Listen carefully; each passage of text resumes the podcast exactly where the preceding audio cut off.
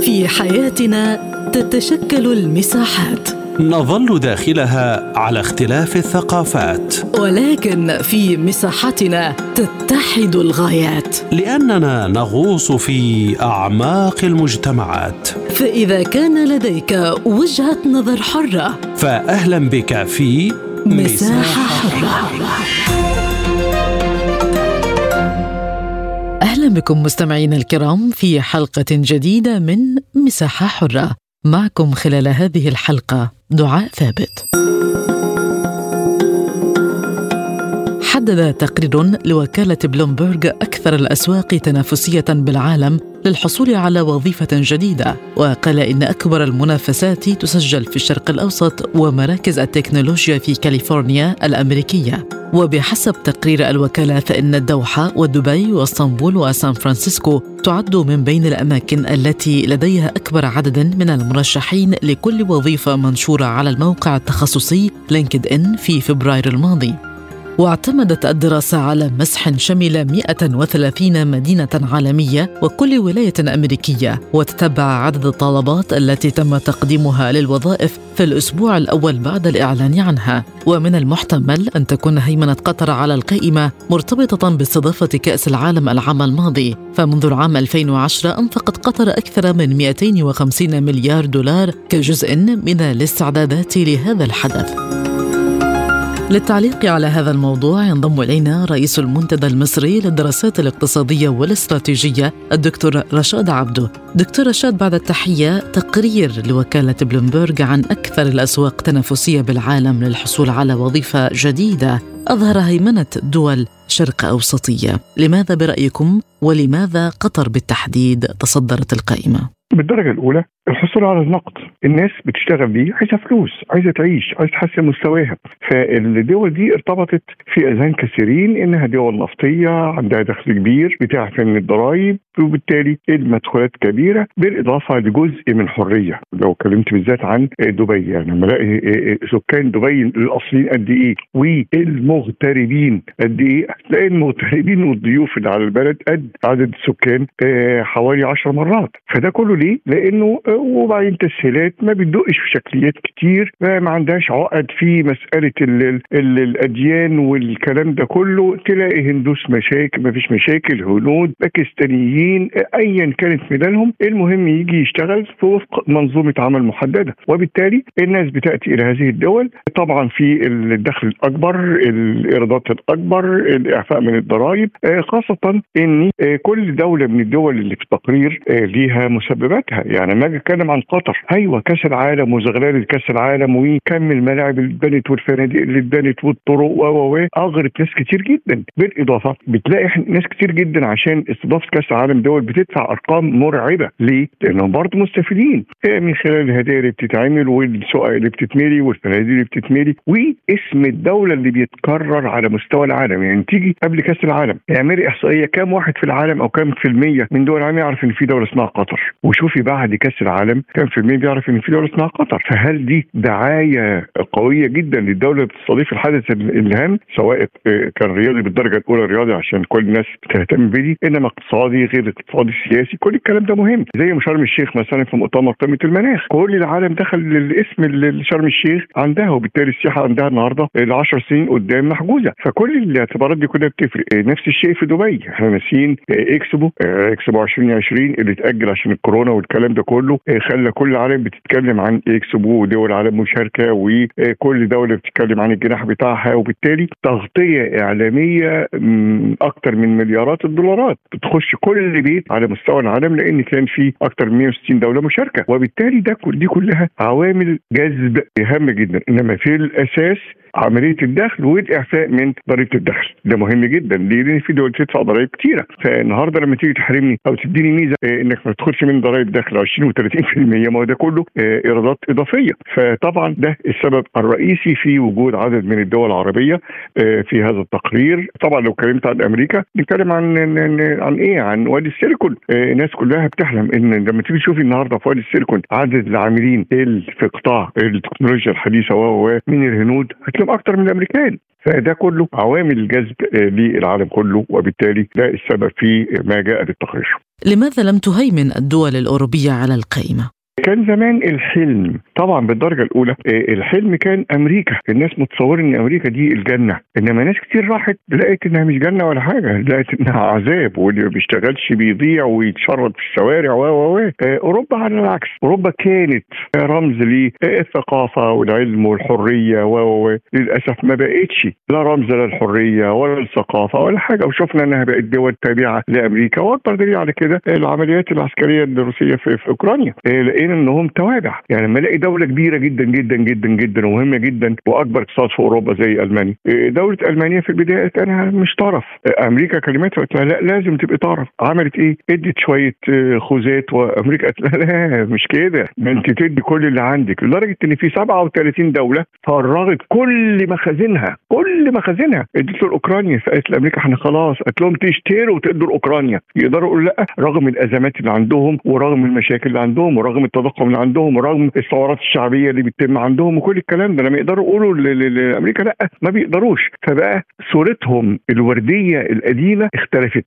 إنما كل اللي بنسمعه عن أوروبا دلوقتي أزمات ومشاكل ومعدل تضخم مرتفع ومسيرات واضطرابات. دولة زي بريطانيا كل يوم فيها اضرابات واضطرابات ومشاكل. وإيه؟ في قطاعات مختلفة. تبدأ بالطب تنتهي بالتمريض تبقى كده في النقل تبقى كل الكلام ده. فما بقتش الحلم اللي بيجذب دول عدد من من شعوب الدول وبالذات الدول النامية لاني متشكرين. دول عندهم مشاكل أكتر مننا. ده إحنا بنشوف النهارده الأسواق عندهم بقت فاضية الماركت بقت ما فيش البضائع مش موجودة. موجودة. كل الكلام ده ما بقتش الدول المغرية زي ما كنا بنسمع زمان. إحنا وإحنا شباب كنا حلم بالنسبة لنا نروح دولة زي فرنسا ما بقتش. فعشان كده ابتدى يبقى في تراجعات كبيرة جدا. مش بس كده ده ابتدى دول كتير جدا أو عدد كبير من شعوب هذه الدول بقت عمليه عكسية وبقوا بيخرجوا إلى منطقة الشرق الأوسط اللي هتديهم دخل كبير وتديهم ضمانات وما عندهمش مشاكل في الطاقة وما عندهمش مشاكل في التضخم وما عندهمش مشاكل فكل الكلام ده آه، أحدث عملية عكسية آه، في الدول الأوروبية. هل هناك جنسيات معينة مطلوبة أكثر من غيرها في التوظيف في سوق الوظائف؟ إيه، ده بيتوقف على الوظيفة المطلوبة. يعني بتكلم عن التكنولوجيا والنت والتقدم العلمي دوت الهند ابتدت تغزو الدول عدد كبير جدا. يعني طلعوا شطار عملوا بدأوا إيه، راجل جات له فكرة مجنونة نعمل معهد متقدم جدا في المجال دوت. الدولة طلعت دولة محترمة حكومة محترمة. ما خدتش موقف ما عندتش معاه ما حربتوش إيه، ما قالتش عايزه مجنون والكلام ده. اديت كل الإمكانيات. المعهد تحول النهارده إلى ست معاهد. بيطلع كوادر كل العالم بيهمه قوي يحصلوا على الكوادر ديت عشان كده زي ما قلت لك العدد الأكبر اللي بيشتغل في هذا القطاع وهذا المجال في أمريكا هنود. فبالتالي ده كله بيتوقف على طبيعة الوظيفة. لو أنا بتكلم عن هذا المجال يبقى طبعا الهنود عشان كده الهنود موجودين بأعداد كبيرة جدا وضخمة جدا سواء في دبي أو في آه، قطر. وده آه، في آه، حاجات ثانية بنتكلم عن السياحة يبقى لي تخصصات وهكذا. فطبقا لي أنت بتعلني عن وظيفة إيه؟ لأني في تميز في خريجي التخصصات دي طبقا للدولة وطبقا لقناعاتها واقتناعها في دول تانية للأسف بتحارب العلم وبتحارب الخريجين وما بتطلع خريجين ضعاف فدي ما بقتش كانت في البداية بتغزو عدد كبير من الدول العربية إنما النهارده طب ليه؟ بقى عندك إيه متميز بيه؟ حتى لما بلاقي قطاع زي المعمار كانت دولة زي مصر قطاع المعمار ده في السعودية وفي الخليج كله إمارات وقطر وهي المحتكرات. إنما النهاردة مع العلم الجديد في هذا القطاع مع الحركة الدائوبة من دول جنوب شرق آسيا والكلام ده كله ابتدى يبقى في إحلال للعمالة في هذا التخصص. أنا ما طورتش نفسي غير يطور نفسه. والتاني بيدفع فلوس وأنا بالمقابل الفلوس دي باخد أفضل الكفاءات اللي موجودة في العالم. فبما إني باخد أفضل الكفاءات وبما إني بدي دخل كويس وبما إني بعرف من الضرائب الدخل والكلام ده كله بقيت باخد أفضل النماذج فعلشان كده ما بقاش في حاجة مخصصة إلا الدولة وما تتخصص فيه وهؤلاء العاملين وما يتميزون به من كفاءة. هو ده بقى المعيار. ليه؟ أنا باخد أفضل ما في السوق طالما بدفع بدفع. والعالم كله بيعرض نفسه عليا. طب أنا آخد الأفضل. آخد ليه الأقل أو الأقل كفاءة؟ فهي دي القضية. هل هناك دول مرشحة لتضاف للقائمة؟ آه، كل الدول الغنية اللي عندها إيرادات كبيرة اللي ما تأثرتش واللي استفادت من العمليات العسكرية الروسية في أوكرانيا. يعني النهارده الدول الخليجية بنسميها الدول النفطية استفادت من الحدث آه. أمريكا استفادت من الحدث آه. لأن أمريكا تبدو قدام العالم الديمقراطية وقدام أوروبا إن أنا بساعدكم أنا إنما هي عمليا استغلت أوروبا بشكل كبير جدا. أكتفي إن أقول لك انها النهارده بتبيع النفط وال غاز لأوروبا بإيه؟ بأربع أمثال ما كانت بتشتريه من روسيا. تكاليف النقل والاستغلال أنتم محتاجين ادفعوا فده جزء بيبين إن أمريكا استفادت بالإضافة. كل مصانع السلاح بتاعتها النهارده بالنظر لإن بتجبر الدول الأوروبية وغيرها إنها تشتري السلاح عشان تدعم أوكرانيا. بقت آه، خلاص بقى اشتروا من عندي. فالمصانع دي كلها شغالة بكامل طاقتها. فابتدت تستفيد. آه، النهارده ما بقاش عندها مشكلة طاقة بينما في مشكلة طاقة في أوروبا. ابتدت تعمل حركة يعني أكثر من كلمة سخيفة. إن ابتدت تقول للشركات اللي بتشتغل في أوروبا أنتوا بتشتغلوا عندكم ليه؟ دول عندهم أزمة طاقة. تعالوا أنا عندي ما عنديش مشاكل طاقة. سيبكم من أوروبا وتعالوا اشتغلوا عندي. شوفوا وصل إيه بقى الصديق للصديق بيعمل معاه إيه؟ دي خيانة. إنما أمريكا ما يهمهاش غير أمريكا مصالح أمريكا. آه، وبالتالي دي كلها خلت توازنات اختلت وامور اختلت وناس استفادت وناس آه، اضيرت وما إلى ذلك. ما مستقبل سوق العمل في ظل تصريح منظمة العمل الدولية بأن سوق العمل يشهد مزيدا من التدهور نتيجة الوضع الاقتصادي العالمي؟ آه، طبعا. آه، في في مصر مثل جميل قوي. يقول من جاور السعيد بيسعى ومن جاور الحداد بيكيو بناره يعني إيه؟ يعني لما بيكون في حالة من الرواج الكل بيستفيد. يعني لما يبقى في حالة من الرواج دول كتير زي مصر زي المغرب زي حتى دبي الكلام ده كله بيستفيد من أعداد السائحين اللي عندهم فوائد وجايين يصرفوا في الدول دي ولا لأ. آه أوروبا نفسها مش بتغازل رغم إن تعليمات أمريكية ليهم خدوا موقف من الاستثمارات الصينية إنما أمريكا وأوروبا مش بيغازلوا الصين يبعتوا لنا السائحين الصينيين عندنا. آه لأن السائح الصيني النهارده بقى عنده ملاءة مالية بقى بيصرف كتير بينفق كتير. أنا عايزك آه رغم الخلافات الخلافات اللي المفروض تبدو على السطح إنما هذه نقرة وتلك نقرة أخرى. فبالتالي التوازنات اختلت وبالتالي الدول اللي بتقدر تبقى شاطرة تكسر قوانين العمل التقليدية آه، بتبتدي تنفتح على الآخرين بتقدم مزايا أكبر بتجذب. يعني لما أجي النهارده أشوف على سبيل المثال لما بدأت روسيا الصين آه، تبتدي تقول يا نهضة في 1979 عملت إيه؟ الراجل رئيس الوزراء بتاعها كان راجل محترم جدا وقال يا صينيين يلا بره تعال هديك كل الامتيازات اللي أنت بتاخدها. هات استثماراتك و لدرجة إن عنده مقولة جميلة جدا دخلت التاريخ. لما كان في البرلمان ويقول آن الأوان ان إحنا نجذب بقى استثمارات آه، حتى لو غربية فأعضاء وان الأوان كي يحلم المواطن الصيني بالغنى. فالناس ضحكت غنى إيه؟ ده إحنا إحنا عندنا أزمات اقتصادية بلاش أزمات اقتصادية. إنما مرتباتنا إيه؟ بدأ من رئيس الوزراء لغاية العامل الصغير كان حساب من الرز. فأنت بتتكلم غنى إيه وبتاع. وإيه اللي الاستثمارات هتجذبها؟ قال يعني تجذب من دول غربية. قال له آه حتى أمريكا. قال له حتى أمريكا. قال له إيه ده الفجر والدول الايه والمستغلة وال... قال لهم بقول لكم إيه ما تقوليش القط لونه ابيض ولا اسود ولا احمر المهم قدرته إيه على اصطياد الفيران كلمه دخلت التاريخ. أيوه اصطاد كل رؤوس الأموال الأمريكية والأوروبية وعمل النهضة بتاعته وما طلعش آه، جامد وبعت لبريطانيا الأكبر جامعة في أمريكا في, في, في بريطانيا ابعت فيه مستشار اقتصادي وإداري وطور نفسه وانطلق. فالدول اللي بقى لسه مقفلة وأنا أجدع من الدنيا كلها وأنا اللي بنخرم التعريفة وإحنا اللي مش عارف بنعمل إيه. خلاص متشكرين. خليك متقفل زي ما أنت. ومش هتتقدم وأزماتك بتزيد. وقروضك بتزيد. ودواماتك بتزيد. ومشاكلك بتزيد. إنما مطلوب إنك تنفتح على الآخرين. تجذب استثمارات من بره تجذب خبرات من بره تجذب مستثمرين. اعمل مشروعات. اعمل تنمية. اخلق فرص عمل لشعبك. آه، صدر أكبر. جيب عملة أجنبية. ما يبقاش عندك عجز في العملات الأجنبية. الناس بتشتغل كتير. بتدفع للدولة ضرائب كتير. الدولة ايراداتها بتتحسن. آه، عجز الموازنة بتاعتها بينتهي. ايراداتها بتزيد. بتعمل خدمات لمواطنيها. كل الكلام ده. فالمهم هل عندك بتستعيني بالأكفأ في دولتك ولا لا؟ هو ده السؤال. لو أنا ما بستعينش بالأكفأ وبجيب الناس الحلوين اللي بيقولوا أنت العظيم وأنت الفخيم وأنت الرائع وأنت الهايل متشكرين. أنت هتبقى عظيم وهايل انما شعبك هيبقى مدمر واقتصاداته متنيلة وقروضه متنيلة وكل الأزمات عنده. إنما لو انفتحت وبطلت بقى أنا أنا أنا ديت اللي موجودة في عدد كبير من الدول النامية بلا جدال هيجي لك استثمارات ويجي لك فلوس ويجي لك فرص عمل ويجي لك مصانع وتشغل اجتماعك وتبقى من الدول الأفضل. تخطط الصين كانت إيه لغاية 1979 الصين النهارده إيه؟ الصين النهارده تاني أكبر اقتصاد وفي خلال الخمس أو أربع خمس سنين القادمين هتبقى الاقتصاد رقم واحد في العالم. ليه؟ مفيش حاجة اسمها أنا شيوعي ومقفل و... لأ في بقى تخش راسماليه الدولة وبتعمل مشروعات وبتعمل تنمية بتجبر القطاع الخاص. رئيس المنتدى المصري للدراسات الاقتصادية والاستراتيجية الدكتور رشاد عبدو شكرا جزيلا على كل هذه الإيضاحات. نتجه إلى أنقرة حيث ينضم إلينا المستشار الاقتصادي جلال بكار أستاذ جلال بعد التحية التقرير يوضح هيمنة الدوحة ودبي واسطنبول على أسواق العمل الأكثر تنافسية هل تتفقون مع التقرير؟ تحية طيبة لكم. أولا نعم نتفق في هذا التقرير لعدة أسباب. السبب الأول أن الشرق, الشرق الأوسط يحتوي على عدة من العواصم ذات الاقتصادات الناشئة والريعية الناشئة.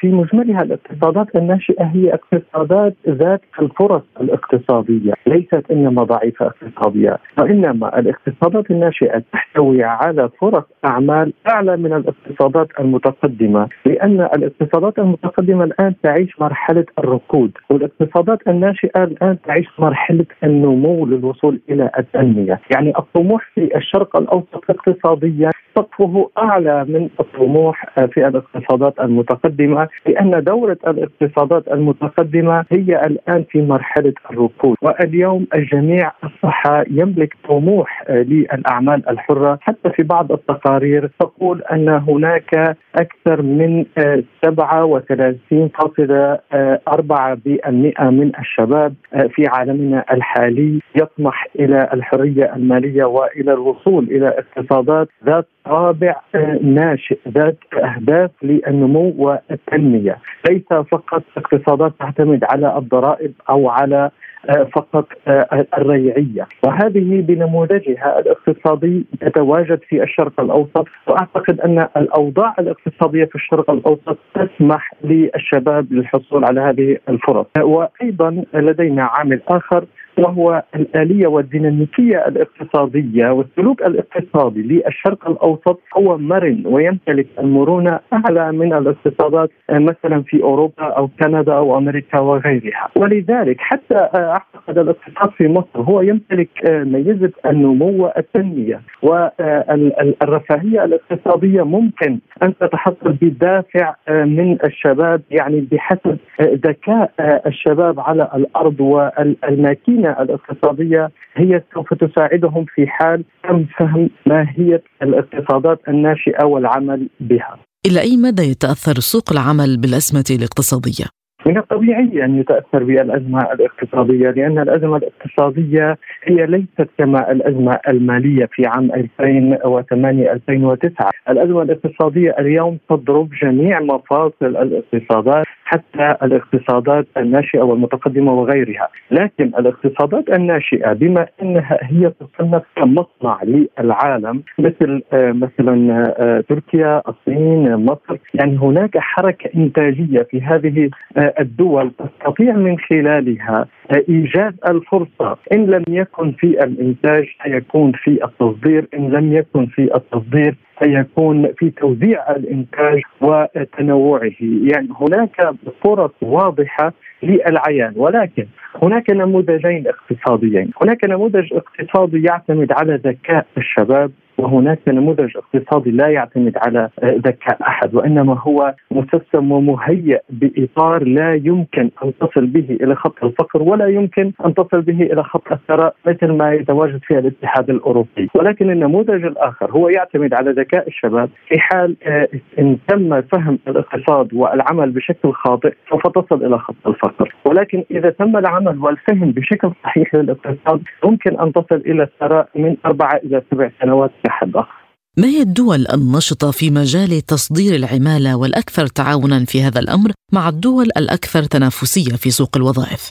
الدول الأكثر تعاون اليوم لدينا يعني للحصول على الوظيفة لدينا مثل الخليج بشكل عام لدينا السعودية قطر والامارات ولدينا تركيا ولدينا مصر كإنتاجيا يعني. هناك دول في المنطقة فعلا تعتبر من الدول المتميزة وخاصة التي تمتلك موارد الطاقة. مصر لديها موارد الطاقة لديها آليات الإنتاج إنتاجية موجود، تركيا لديها آليات إنتاجية ولكن كانت لا تمتلك مصادر الطاقة والآن بدأت في استخراج مصادر الطاقة من الأراضي التركية، لدينا الاقتصادات الخليجية هي تكمل هذين الاقتصادين وبهذه النماذج المتناغمة مع بعضها البعض تسمى الفرصة في الشرق الأوسط بشكل عام وحتى في مصر، أما فيما يخص مثلا البلاد التي تتواجد فيها الفرص لكن لا تمتلك الأمن الاقتصادي مثل إفريقيا مثلا مثل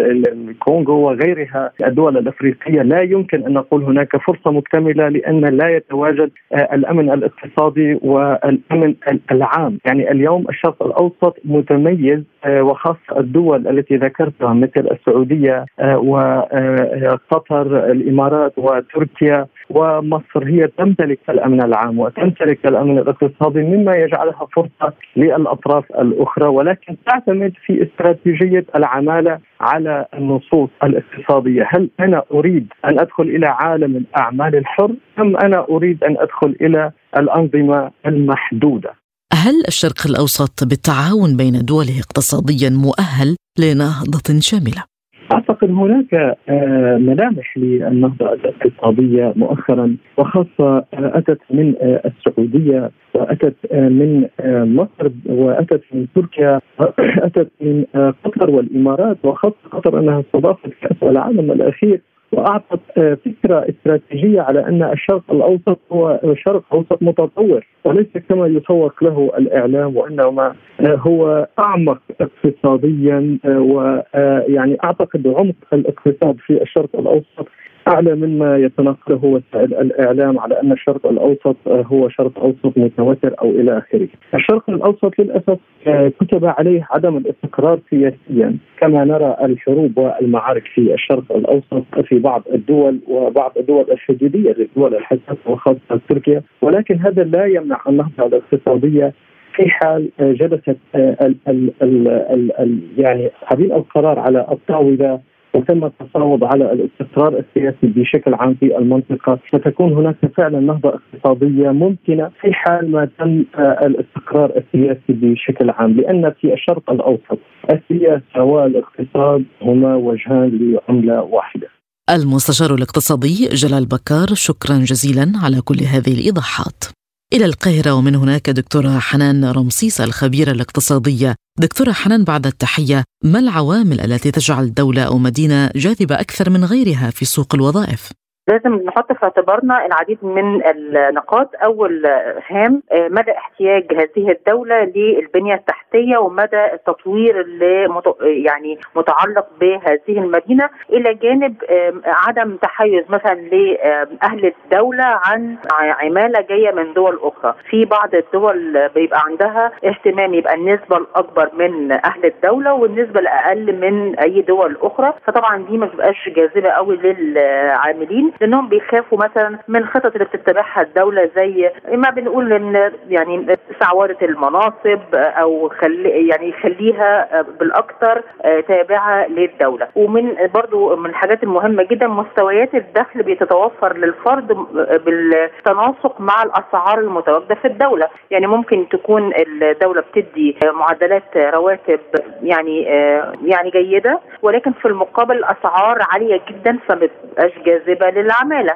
إلى جانب طبعا الاهتمام بالضرائب. هل الضرائب بتفرض على المواطن اللي بي أو الفرد اللي بيروح يشتغل في دولة معينة؟ فعندنا طبعا وسط القائمه للدول الأكثر جاذبية وتنافسية لسوق العمل عندنا ظهرت دوحة قطر لأنها طبعا مهتميه جدا بالبنية التحتية مهتميه بتطوير الدولة وكمان في احفاء ضريبي على دخل الفرد.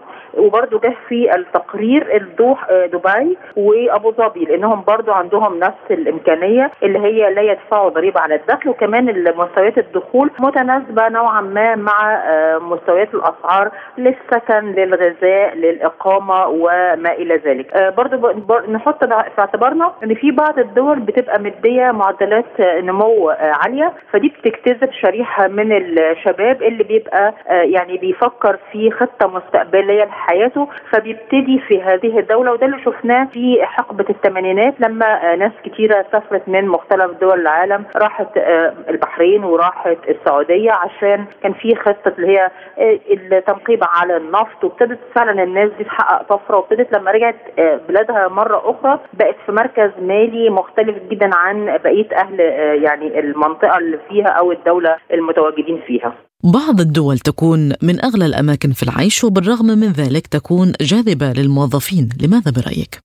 دي بقى بتتعلق بخطة الفرد لما هيروح يشتغل في الدولة دي. هو كده مش بيفكر بس إن هو بيشتغل لا بيفكر إن هو يقيم ويستمر وبمعنى أصح يهاجر وتبقى هناك حياته. فعشان كده بيستحمل الفرق ما بين الدخل وما بين يعني تكلفة الإقامة في أمل إن هو يتحسن دخله مستقبليا أو إن هو يشتغل مثلا شغلانة مكملة مع الشغلانة الأساسية لغاية ما يقدر إن هو يقف على رجلين انه بيبقى عارف ان الدولة دي فيها يعني حقوق إنسان فيها اهتمام بيه كمواطن في اهتمام بيه من الناحيه الصحيه من الناحيه التعليميه إتاحات للأجيال القادمة. وبيبقى طبعا باصص على فيما بعد الجنسية. لو حصل على هذه الجنسية فهيبقى مواطن لهذه الدولة ومنها هيستفاد بكل الاستفادة اللي بتعم على المواطنين بأهالي الدولة.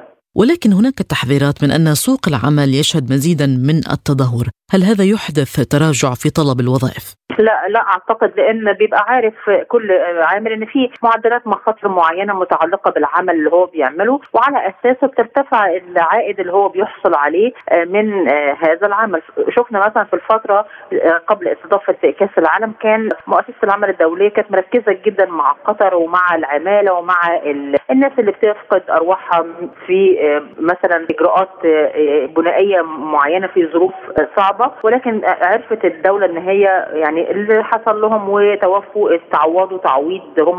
يعني عائلاتهم واللي أصيبوا طبعا تعاملوا معاملة صحية جيدة ومعاملة مالية فبيبقى دايما يعني وجهة النظر إن أنت كده كده ممكن حاله أو بأخرى يعني العامل بيفقد عمله أو بيبقى بيفقد حياته لأن يعني لكل أجر كتاب زي ما إحنا بنقول ولكن ده ما بيأثرش على معدلات جذب العمالة في منطقة معينة مهما كانت التقارير سلبية لأنه بيبقى عارف قدام التقرير السلبي بيبقى فيه عائد أعلى للمخاطر. هل توازن الدول الأكثر تنافسية في سوق الوظائف بين الحياة الرفاهية وبين العمل؟ لا لا ما بتبقاش مهتمية بالرفاهية للموظفين في القدر الكافي وكل نظرها إن هو يتم تحقيق الهدف المنشود من خطة موضوعة لإتمام الأعمال اللي بي ولكن في منهم بيراعي الأبعاد الاجتماعية بتبقى مثلا لو هي فيها مكان لإستضافة الأسر بيبقى في بقى المرافق المكملة زي المواصلات والمدارس والأماكن لاستضافة العائلات. إنما في الغالب ما بيبقاش في الاهتمام إلا كلما تقدمت الدولة في اهتمامها بالعنصر البشري وإن هو خطه التنمية الأولى بالنسبة لها بتبتدي إن هي تهتم بهذا الجانب إنما في الأساس لا اهتمامها بالعمل وإهتمامه في الوقت المناسب وغير مهتمة بالنواحي الاجتماعية أو الترفيهية بالنسبة لهذا العامل. هل هناك نوعية معينة من الوظائف مطلوبة أكثر من غيرها؟ آه طبعا دايما دايما المهن اليدوية بتبقى هي الأكثر طلبا من قبل العديد من الدول لأن في بعض الأماكن أو بعض الدول العربية يعني حسب المفهوم الاجتماعي ما بيسمحش لاهل الدولة إن هو يشتغل هذه الشغلانة لأنها بيعتبرها مش من الواجهة الاجتماعية فبتبقى بتقول إلى مواطنين دول أخرى. وشفنا في العديد من الدول العربية بعض يعني التخصصات بتبقى بالفعل لجنسيات معينة. يعني لك أن تعلمي مثلا أن معظم السائقين واللي بيشتغلوا الشغلانات البسيطة في مثلا منطقة الخليج بيبقوا من بنجلاديش ومن الهند ومن باكستان. بس ده ما يمنعش إن هم يتدرجوا في مناصب عليا على حسب كفاءتهم ولكن بتبقى بعض الشغلانات بتبقى ما يعني محظورة أو بتبقى مخصصة ل يعني فئات معينة من البشر حسب جنسياتهم دكتورة حنان رمسيس الخبيرة الاقتصادية شكرا جزيلا على كل هذه الإيضاحات. بإمكانكم الاطلاع على المزيد عبر موقعنا إي.